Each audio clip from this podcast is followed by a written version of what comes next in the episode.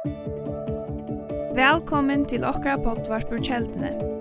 Loika mykje hvert var stater i dag, så vana vi at hesen båskapring kan være til oppbygging for det og for tukt antall av loiv. Takk for at du loir av og njød dagsens båskap. Godt at vera samavittikon i dag. Fantastisk at tilbe herran. Og vera i hans vera. Til er ikke bedre sted enn til. Halleluja. Halleluja. Halleluja. Det har hørt og tydelig er godt til sørstene. Nekva går og taler noe til Arne. Så jeg også sier at uh, om jeg til her vi, vi, vi, uh, vi har det sørste og sånn det er løsig til oss om jeg til her vi tungen og at uh, opplevka tungutalene og hva tungutalene gjør det er så fantastisk anbo som vi da finner og Og jeg husker kanskje jeg fortsetter, ikke, ikke om tungetallet, men i bønene til at jeg ber og sagt til Herren, så var det bare alt som runga i, og i munnen andre. Og til å være hendene her i utskriften, til det at det er kraft og i øyne byende samkom. Og en samkomma som er i bøn, ikke bare øyne fra vikna, vi tar det på, påla tåsa for två viker siden, hvis du bare inntekker Guds år, øyne fra vikna, som til en andelige føje, så blir det øye kjøtt, rævliga svängor och olja tonnor och, och räk och så vidare i andaliga tala. Um, och det är just det samma vi bön. Om vi inte lyckas som häva ett bönarliv och ett livande samtla vi Herren. Om det är sådana dagar klockan 11 till 12 eller 12 till 2 eller kvart nu till öjter så blir vår liv öliga fatagsligt. Så blir han relationen vi går, Hon blir inte sälja störst. Hon blir inte sälja djup. Och Og jeg vil oppmuntre dere til, jeg var i hver for når jeg vil neme bøn, så er ikke alt nye. Å nei, ikke ikke på meg. Tøy vil alt kunne strøyast ved bøn til imiske tøyer, men vi vil ha kvøyja det opp at det er kraft og i en byande samkommer. Det er ikke tøy at vi og jeg kan sjølv er nekka, men han som vi bya til, han kan ævrige nekka tjøk noen bønene som vi bya. Han har givet okken løyve til å samvirka og i bøn vi til som han vil gjøre. Ehm Hvordan kan jeg si at jo, det er öle enkelt, if jeg var bønene, her, her lærer Jesus okken at bia Guds vilja som i himle så jeg gjør. Hvor skulle han bi i okken bia hesa bønene, jeg mener, hvis nå alt var vi, klart og avgrøtt fremman undan. Nei, jo, det er nekka som vi skulle bia og i djøknon her av hesa i her görne. Vi skulle bia og i djøknon Guds vilja som i himle så er gjør.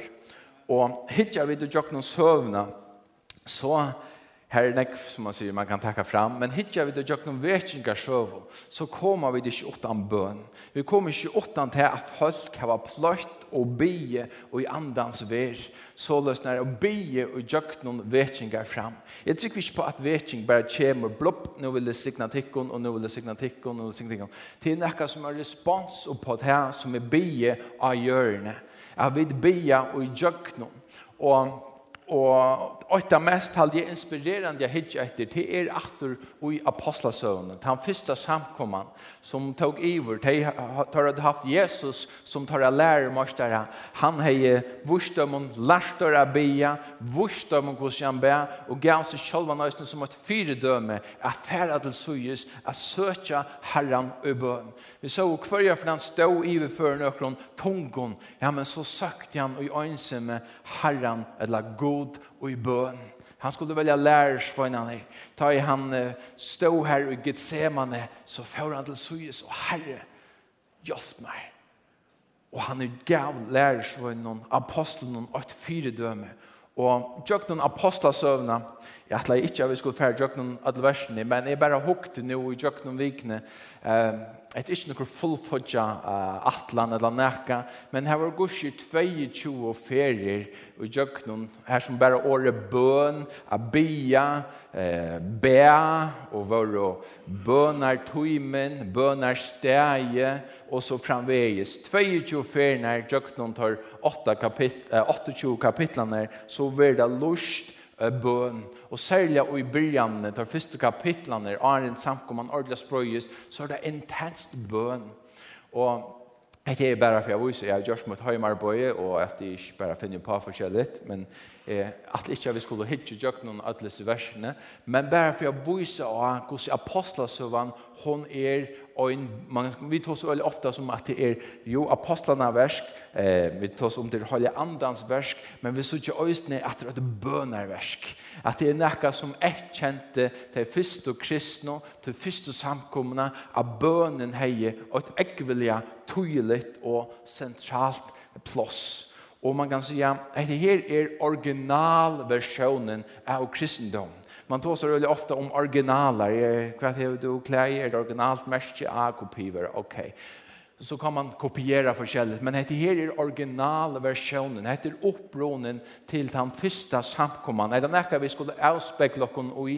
Ja, men så var det kvosse gjør du det. Det merker ikke at vi gjør alt akkurat lykke, tog vi livet og en ærer tog, men til at de bøy, måten som de bøy på, at de hadde en struktur, det var bønner tog med, det var bønner sted, til ting som viser oss, ja, men det var ikke tilfellet, det var noe som var inngrekve i torra eh, gjerandsløyve.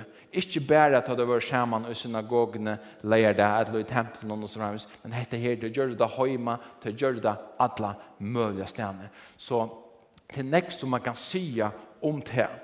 Um, og hvis jeg skal bare lukka som takka, takka akkurat bortur ur hebont, så Lømmes apostlar 2-2-4. Vi tar nakra soler her som halda tætsjen oppe.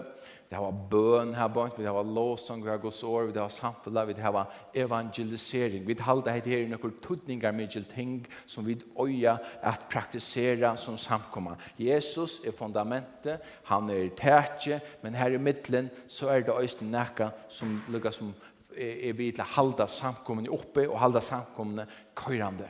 Og her stendes holdes nær at de første kristne, de held utrolig fast vi lærer apostlene, Guds år, vi samfunnet, vi breibrødingsene, breibrødingen var bare i form av til at vi teker brein, men også til at man åt sammen hjemme vi hus, og vi bønene.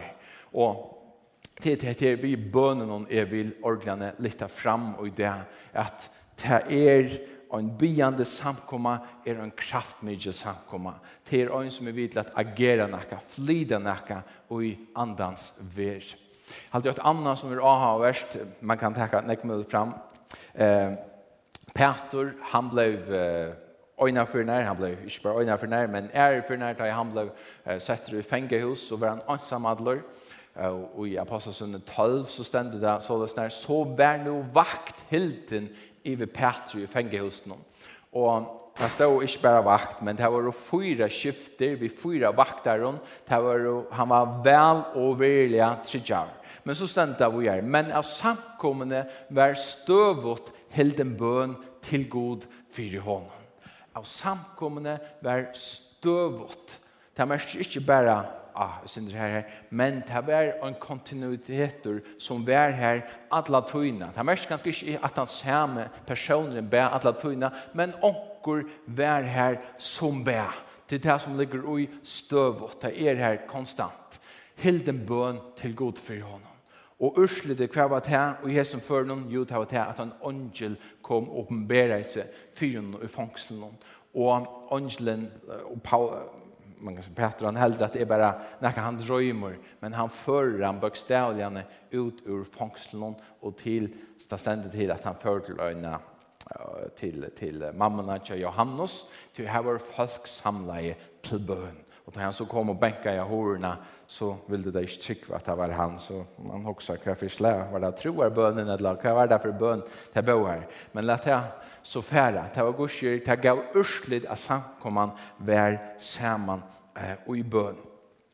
Um, eh som flera tycker kanske vidare så så är det eh öjna för närskisk øyne från Mari och i Uppsala och undervise eh av bøybeskolen här på Eh det bare ikke bort till nu under corona så stedet fire, så har vi Petter hjälpt mig spalt in 15 lektioner i ju klipp, så det att jag fick finner videoundervisning undervisning Og Och Arsene skulle si til han til tog at jeg i Uppsala arbeider vi og en nudjon, og en nudjon bøybeskula, ikke er startet til som er her, men som det her var imsestans i høymenon og på trutja måneder. Og og i to sambandet så ettermeta de negre evner eh, som de har i Jøknunginje, og så ber de hese imiske bibellærerne komme inn og døyle av sin røndon, eh, sin vidan, og så framveis ut fra to evnene som nu, vi kommande underviser i. Og er så innkallar til en Zoom-fond, eller en internettfond, eh, her som vi så skulle vidtja til evne som er underviset, sammen vi en 4-5 øre om bibellæreren. Og ja, og så finner jeg sindra feedback hvordan det har vært og i øren evnen. De har med et eller haft samrøver om trygg og haft samrøver om bøn og, og, og, og, og gjørst nekka nye større fra tøy og tar man rønden som er læreren er og jeg sindra pulsen av, uh, eller fingrene av pulsen og jeg går så ligger landet. Og nye støver han kjøtt høymon er tog han veldig ikke så rævlig positiv, Ehm um, hon skriver i sålös när händan här som samskipar ett här. Hon säger att uh, utifrån tog som det nu har tås om trygg på bön så är okkar nyrstövande han att negg för kristen, inte bäst ung, läsa inte biblerna og negg kristen har ikke et eget bønaløyv og liva ikke nær at god. Og er vengen fyrir at hessar her nye støvner, her kunne færa nok så brått Um, og det er ikke for at vi skulle fordømme, men heter er øyre få åkken att vakna opp.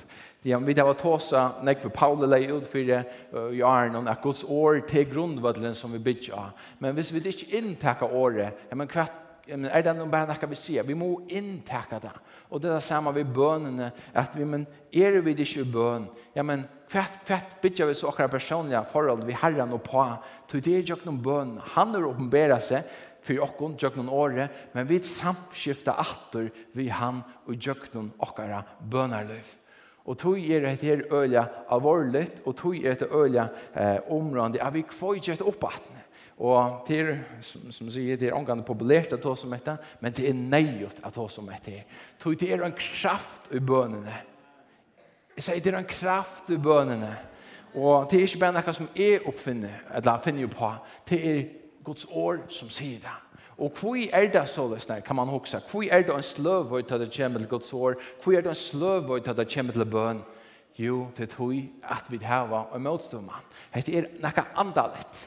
Og han, heldre han ser vekk, helt klar han halde okkom vekk fra hesen, så void han øysene for at han klarer å avmarska okkom til. Tog det er en kraft i Guds åren, til en kraft i bønner, ta vid bia bønner ut, ta avrika vid nekka, vid virka nekka. Ikke bare forstått lukka vi sier bøn gjermon, ta kan godt bare bløse over, ja, bøn gjermon, bøn gjermon, mån. hm. Nei, bøn mån. bøn virkar nekka. Og Jakobs brev 5, 16 sier at bøn bina rettvis manne, avrika nekv, ta hon vir bien, vi kraft. Hon avrika nekka, hon flyder nekka tog er det så avfærdelig områdende. Og ofte så vil det også bøn koppla vi, og så verken vi der. Er vi byande bøn, og til at vi er verken, til at vi øyelig ofte connecta sammen i skriftene. I atleie affæra til Matteus, kapittel 16, vers 8-4.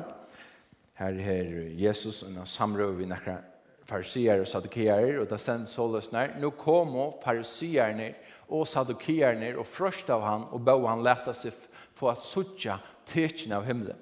Men han sverre i tøymen, om kvölde sier at det vekkre vir godt til himmelen er reier, og morgenen og dæver illvever til himmelen er reier og dimmer. Ja, utkjønt himmelsen stod tid av Kina, og at Kina, men tekjen tøyene doa det ikke at tøya. Ønd og uttrykk at krever tekjen, men ikke tekjen skal være henne givet åttan tekin Jonas her. Så får han fra tømmen og får av sted. Så her kommer sadukiarer og farisier til Jesus. Det er nok så kjølsamt og i seg kjølvånd, og heser her bare bølgene, som var ganske størst, og jødske bølgene tar i togene, tar høyt og ofte, ikke man kan si, det var ikke beste viner, kan man si, det var ofte øyne og samter om imest.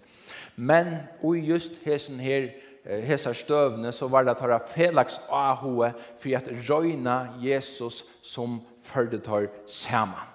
Han stender att ha fröst av han och det griska så var det att ställa en spurning vid till ändamalen någon att sätta en öna fettel og lukka som tar, tar hödd och dold motiver vid tusen tar vilt. Och tar spyrjan så lukka som kvätt kunde vi få nøkker tekir Og hette var ikke bare vanlig tekin, hette var åttan en tekin av himmelen vi gjør noen under, og et mirakel. Kan du vise oss Jesus, kan du prekva det sjølvan for oss. Men tar gjør det det tog, at tar vil du lukka som prekva for i for seg sjølvan, at han kan ikke gjøre det som vi be om. Jesus svär dem så løsner, og morgenen, han sier så här men han svär till dem om kvölde, sier at det vekkre vil gott til himmelen er reier, og morgenen og i dag vil elvever til himmelen er reier og dimmer. Ja, utkjenn himmelsens, altså det fysiske, doa tid av at kina, men tekin har tid ikkje at tuja. Han viser nok annet til lokal, akkurat som vi i følgen sier, ja, jeg visste ikke, han drever luftene, nå er regnet, eller til gamle fiskmenn tar hok til luften, så kunne man forutsige hva for vever til for å være og så videre. Og på samme måte så kunne man nøysen i Israel, som ja, men hver himmelen så, ja, men så var vekkert til, og så framvis. Til dotter der, til lukka som til som show sjå, hvis hun er, til var i orden, finaste slä Men så sier Jesus såles, ja, utkjenn himmelsens stå det av Kina, men tekin tujana doa det ikkje at tujana Vi gjør nåren, heter her var menn som var lærder i skriftene, studera av skriftene, men Jesus viser at han har fullkomlig og kompetanse til at lukka som ledja ut skriftene og ut i tøyene som tar levde vi ui. Um, Tekin tøyene, eh, av griskon så har man troi imisk uttrykk for tøy, og etter eion, og etter kairos, og etter kronos. Eion, eh i hesi öld vi är ofta omsett i hesi öld att i hesen heime lukka som viser til alt skapande verset til alla tøyina Kronos, det kjenner vi kanskje også ut fra kronologi, akkurat som man kronologien, det blir vi R0 og så 8, 2, 3, og så ganger det vi er kronologisk, man kan si at søvelig, så er det kronologisk, søvende er vi, 8 år kommer 18 an, og så framveis. Så har vi et året kairos, og og de har omkring min til på en ja. Kairos og Kronos, som sagt, har byrja av ennastandis, og så akkurat loiv er en kronologi. Vi, var, vi byrja av ennastandis, og så ble vi så så gammel, og så er vi det ikke mer. Og så er det Kairos, det er ofte tås som sirkulertøy, nekka som kjemur og endar. Lømmes årstøyner til åkken, vi da har fyra årstøyer, kjøtter, vet du nivåer, halleluja, så blir jeg vare, og så lukka som vare, så kommer sommare, akkurat som det kommer kronologiskt, eh, men det er avsluttast, eller så løsner det her. Og av samme hatt, så tåsa god øysene inn og i tøyene, inn og i søvnene, som et ting, Og det som Jesus tåser om her, til kairos tog, til skilja ikke til som hendur akkurat nu. Og hva er det som tar hava framan for egen ikke sier? Jo, men til Jesus Kristus sjolver, til en salvei, til Messias, til han som skulle komme, tar skilje ikke at god til gjørst et inndrivande tale inn i søvnene, nækka som får å få enda. Ta være er ikke, eh, man kan si, ta være til øyne av vissa tøy, og ta være her, og ta togjen være her, bort framan for egen av dem, men tar skilto ikke det som var tale. Og takka parallellt eh, kan man säga tja okkon så tåsar Herren ösne i nu i okkara liv eh, till imiska tog vi kvarst tåsar om ja men varst du gatt til en tog at att er det her.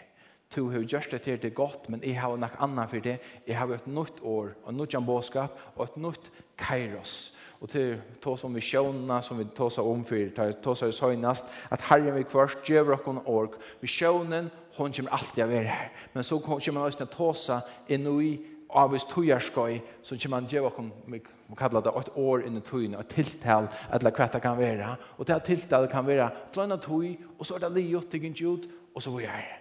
Og til det som han er vi her, Jesus diskuterer, til skilja ikke, det doa ikke at, at, at kina av eh, utkjent himmelsens, men orsaka. Ja, utkjent himmelsens då det kina, men tekst tet køyla bara kjama. Men tetjen tujana då det ikkje at toja Og så tåsar han vujare, önd og uttrykk at kreve tetjen, men anki tetjen skal være henne give utan tetjen Jonas her. Så för han fra tømmen og for av sted. Vi gjør en åren, han gjør ikke tørre innskje av møte, men viser heldur, ja, men, han refererer til, ja, men, viser konteksten til, hva bruker tar som så fundament, grunnleggen, det er gamla testamentet, og her viser ja, men, ikke teksten skal være givet til åttan teksten Jonas her. Hva var vi teksten til honom? Jo, han fører i fisken, og trudja, de, trudja nætter, og og så ble han spyr opp at og menneskesåneren, han skulle selv være og i grøvene og i trutja der, og så skulle han rysa opp at men ta skilte hesser her mennene ikke, sadukerne og fariserne. Um, og til at det her vi vetjen, andalige vetjen, tar våre ikke vakner, tar sjå bare alt fysiskt som det er, tar sjåu ikkje, tar skyltu ikkje til andalige dimensjonene. Og det er her bønnen til åkken kommer inn. Tar vi der i bøn, tar vi bia, så vetja vi. Jesus sier vi, tar, tar han er i Getsemane, kunde du ikkje vetja samme vimmer og i øyn tøyma. Og så får han atter til bæ, og så får han øys. Han connecta det vi at vetja. Det samme gjør Paulus, da han skriver til samkomna i Kolosset, Og i endan her sier han så det sånn veri avhaldande i bønene, vekje i henne og takje. Veri avhaldande i bønene, drøle avhavverst, han og nekmon av brøven, så er det alt øyelig ofta nekka vi bøn. Og i møter enda noen, nekka bøn. Han tåser ofte om, ta i hard om tryggtikkere, så gav jeg halv kjøpeta bia, og han bia fyrdømmen, bæg i bryanne, og i endan. Det var nekka som fylte øyelig nekk tja honom. Vi er avhaldande i bønene, folk og i kalosse. Vætje ui henne og tætje. Og så er det alt som er damer øla vel, som han sier til er, hvor jeg er hebant, bie for jokken vi. At God skal lette okken opp dyr for årene til at hele landarmal Kristus her, for hver skuld i øyne er i lunsjon, At jeg kan åpenbære til så som i øye at hele. Bi for okken vi at god skal lete okken opp dyr for i årene. Etter en bøn som vi kunne bya som samkomma. God, lete okken opp dyr så vi kunne for i årene til å tale landarmal Kristus her. Lete opp dyr, åpne dyr. Vi kunne se det for samkomma. Og så ikke minst a ber for at vi åpenberer det så som vi øye at tale. Så vi kunne fortelle Kristus om for omkron og totalt lete hårene etter hvis vi gjør det på skøyva måte. Tror jeg det er så viktig at jeg kan oppenbere det så som i øye at tale. Det kan vi be om. Vi kan be det som samkommer, men du kan så også be det i et egna liv. Herre, og i det, lett opp en her dyr, for i årene så jeg kan døyle evangeliet for dere. Jeg hørte ikke amman på hatt men han kan si, Herre, og i det, åpne en her dyr for meg, så jeg kan døyle evangeliet for dere. Uff, til kraftfullt. Åpna øyne dyr, så jeg kan døyla Jesus. Vi kvart kommer du til en stång der dyr, og du slipper ikke inn. Men vi kvart, så har hun på glopp. Så kan du fære inn. Og her er onker som kan skal vil lufta og takke med ut. Halleluja. Hette nækka som vi alt kunne bia. Og i Efsos, her har han en lengan enda her han edger følge til å lete seg ui tei andelig og herklein. Jeg skal lese enda her teksten fra vers 12. Og sujane, vere størsk i herran og i kraft veldes hans herre. Lete tikkun i ødel herklei gods, så tikkun og vera ment a standa tikkun i møte svika og alloppon djevelsens.» tog ikke okkon stendur ikke, stendur bardein ikke vi blå og hold, men vi tyknene og veldene, vi herrar hansins og hesum myskre, vi anda her ønskaperens og i himmelrumene. Færre tog og i ødel herklæg gods, så de kunne være ment at gjøre motstøv hin ønda det, og standa etter at hava vunnet syr av öll. Hoks jeg stekker her fyrst. Og sujane, sier Paulus, være stersk i herran og i kraft veldes hans herre. Være stersk i ter sjolvun og i tøyne kraft. Nei, være stersk i herren og i kraft veldes hans herre. Det er bare en maver som sjolvur er sterskur i herren som kan sija heita. Og det er Paulus. Og hver vær Paulus tar han ta seg etter ut, eller skriva etter. Han var en av sjølsrond og malorska. Halleluja. Nei, det var han ikke. Han var i fangsel. Han var avbyrder, og i lunchen så skriver han, «Vær størsk og i herren om! Og i kraft veldes hans herre!»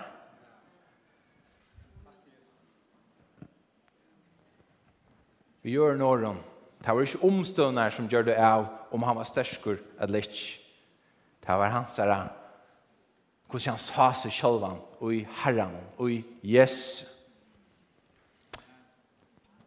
Og hette her, som han skriver her, være til å båsåtte, og til er ut fra tog at du skal gjøre deg i stand til at være fører fire av stand imot.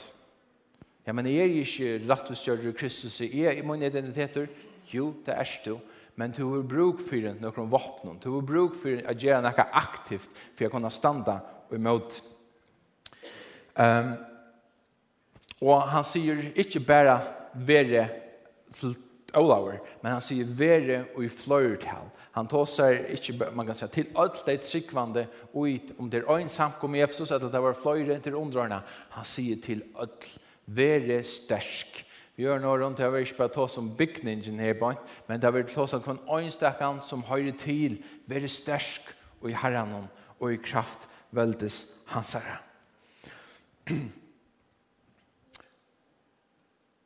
Spurningen så, hvordan blir vi stersk og i herren og veldes kraft hans herre? Og hvor skulle vi være stersk? Det stender i neste verset. Læte tikkun og i öll herklai gods. Så til kunne være ment at standa tikkun i møte svika allopun djevelsins. Vi blir stersk, vi har lært okkon ui herklai gods. Og orsu til vi skulle vera stærsk til tog at vi skulle standa i møte svika allopun satans. Tui ta koma allop. Hette stendur er ikkje bara vanlig allop, men svika allop. Djevelen vil gjøre alt fire at vi skulle fadla.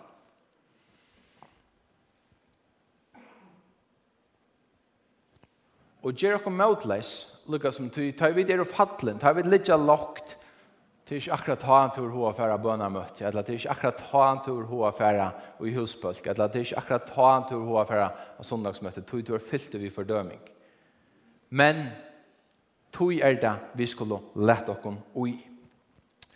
Um, tog, men ett ett vanligt essa allop där kunde vi allt bara föra näka som bara är som man säger kunde söka och avslöja jag egna ju ans problem.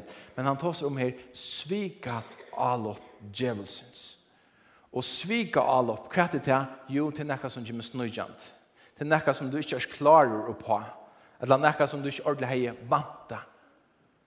Og vi sykje et øyla godt dømur til ur Edens hava, ta i ormen kom snudjande inn av Evo. Ja, men mannen og god hava sagt, hon sa et at treet, det sa så godt ut. Apropos, er det godt eller god?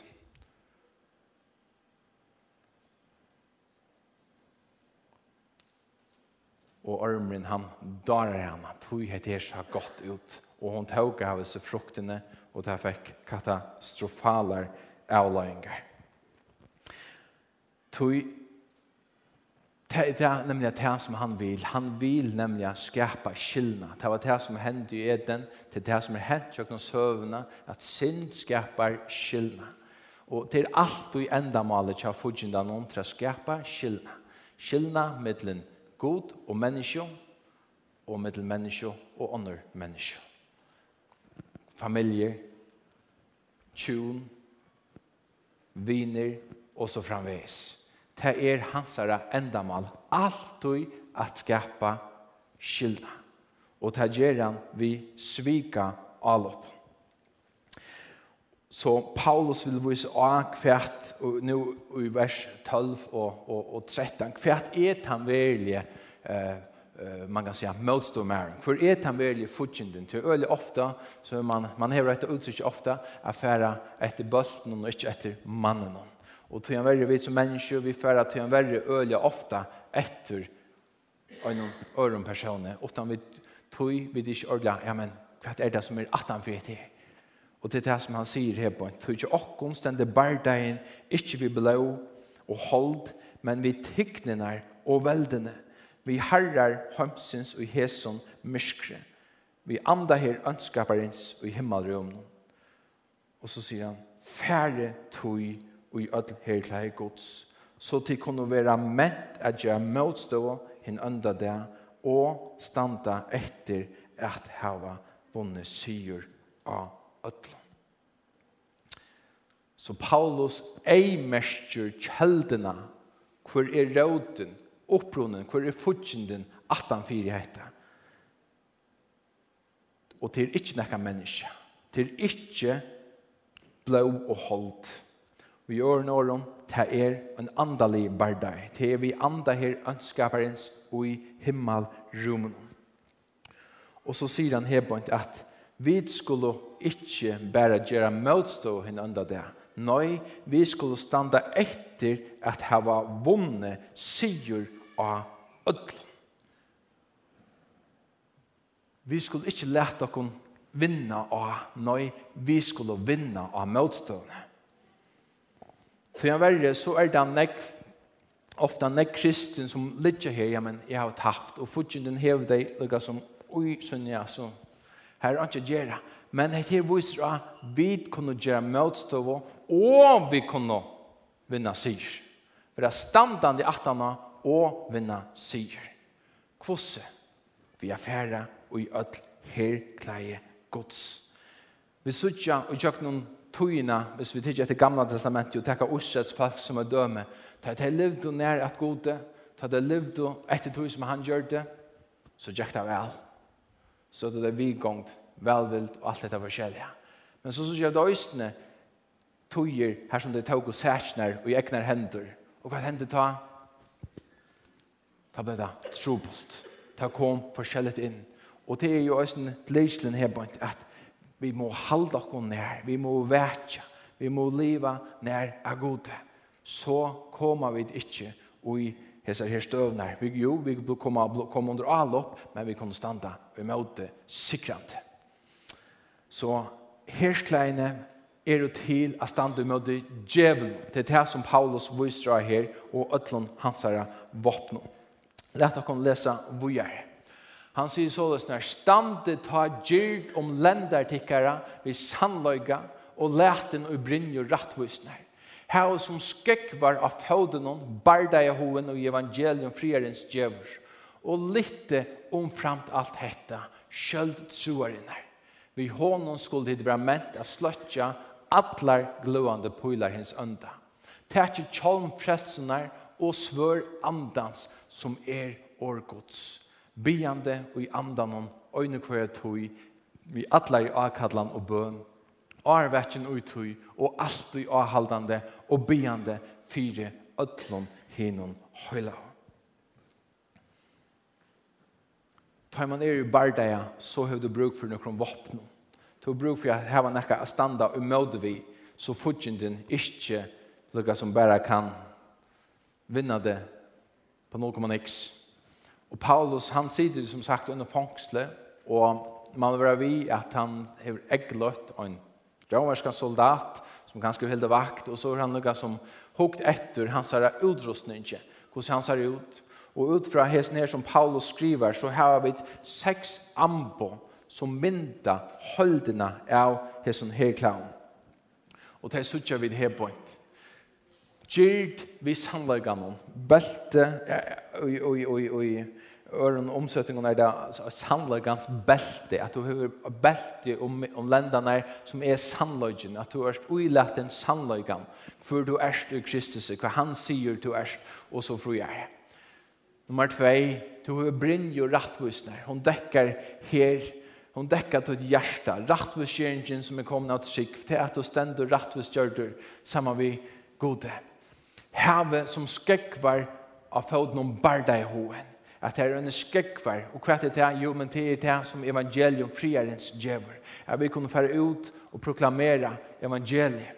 Och så ständer det på en köld troare nummer eh, hva blir det? Fyra. Fyra kjolmfrelsenar og svør andan. Så Nøkker ekvelige utøtselige ting som han nevner her på en, som vi kunne teka til okkom.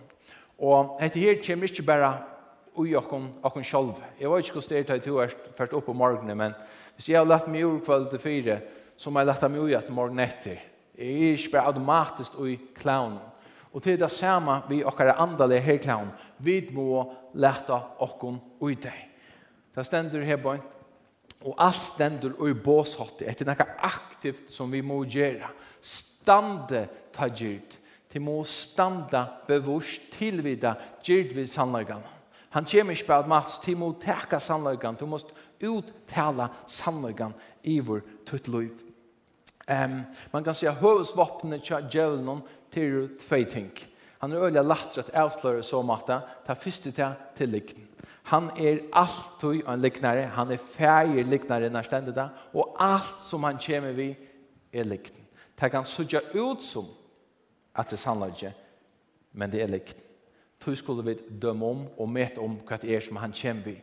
Ta nasta som han vill alltid komma vi i östene till øtta.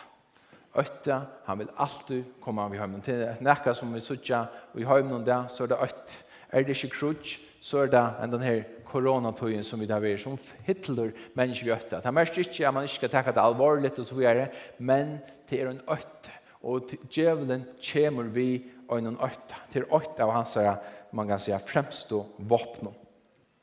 Um, jeg halte låsangerne kunne godt komme opp og gjøre seg klare.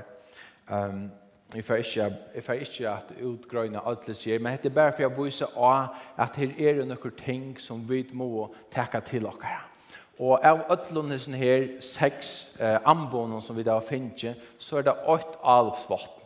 Og det er svør andans, som er Guds år. Og vi har det da øyelig godt for tvær med vegsiden om hvert Guds år er fyra okkara og hvordan vi må inntakke det og hava til rødt og myndene av det.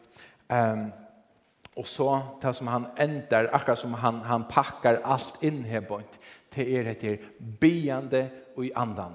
Öjn och kvar tog vi alla i avkallan och bön, arvetjen och tog och allt i avhaldande och beande för ötlun hin höjlande. Bön och vetja. Att det nu hör samman och man kan säga bönen är öjn näka som, som, som om man kan säga omfävner allt heter här tog vi det her dekka som vi da østene bia ut. Vi bia ut Guds handlagar iver okkara liv. Vi bia ut hans lyfter iver okkara liv, og så vi er det. Tog i bønen akkurat som nesten sløyfan som fer alt at koma saman. Og sier at enda vi hesten her skriften og her på ur kolossebraun og fyra tølv. Eh, og Paulus han skriver halsaner, enda halsan og så er det en maur som heter Epafras. Han letter halsa tikkun, samkomne i kolosse. Han som er urbojetikkare, i Krist Jesu, som alltid struer for tikkun i bøn og søgn, at de skulle standa fullkommen og fullvis i ødelen vilja Guds. Og jeg halde til viser at, at, at likla versta viser om det som kvette er bøn, tids bare, gå Jesus, hva signa maten, amen. Jo, til han pastor. Men her så jeg vet, han struer for deg. Bøn er et arbeid. Bøn til ikke bare nekka som er latt. Det er et, et arbeid. Han struer for deg under bøn og sånn. Hvor struer han? Jo, at de skulle kunne standa fullkomment og fullvis i öllum vilja gods. Og det er nekka vi har bruk for i øysene som samkommer løsla, vi som, som standa som god til innsett, som, som løsla her som sted, så har vi bruk for tikkar bønnen til det kommer til dette her. Jeg vet alt du skulle standa fullkommen og fullvis i öllum vilja gods. At det er ikke byggvas av tankar, Olavs av tankar, Paulas av tankar, la vilje, men det er Guds vilje. Og det er det som er snir epa struje fire. Han strujer i bønnen og fyrtikken at det skulle standa fullkommen og i Guds eh, og i viljan. Og vita hans herra vilja og så framvis og Charles Finney han heje ein var ikke om til kjenna søvna om han men han var en vekingarpredikantor som levde eh, sørst og i, og, og, og, i Og i 1600 og 4,5 av 1800 var en mektar vekinga med her. Det har vann tusen, tusen, tusen av oss av menneskene for herre. Men lidgjelig til hans herre tjenest til å være forbegjerne. Forbegjerne for undan tøymon. Hver gjør for når Charles Finney skulle ha en møtekampanje så får han frem han undan. Sendte han folk til forbegjerne Og det var særlig en som kallades Daniel Nash, eller Fæger Nash, kalla av det han. Og jeg fann noen gardelig halga av mynd, men jeg er så god som mynd av, av grævstønnen tjon. Og da stod her på en av grævstønnen, labored with Finney and mighty in prayer. Og det var førskunnet han arbeidde sammen vi Finney og mått mygel i bøn. Så kunne fære en fyrstan där, trudja viker fram och undan og bare bia og bia og bia og bia og bia for plassen som det kommer til. A plua upp og i ui, ui, ui andans ver, fyre vetsing.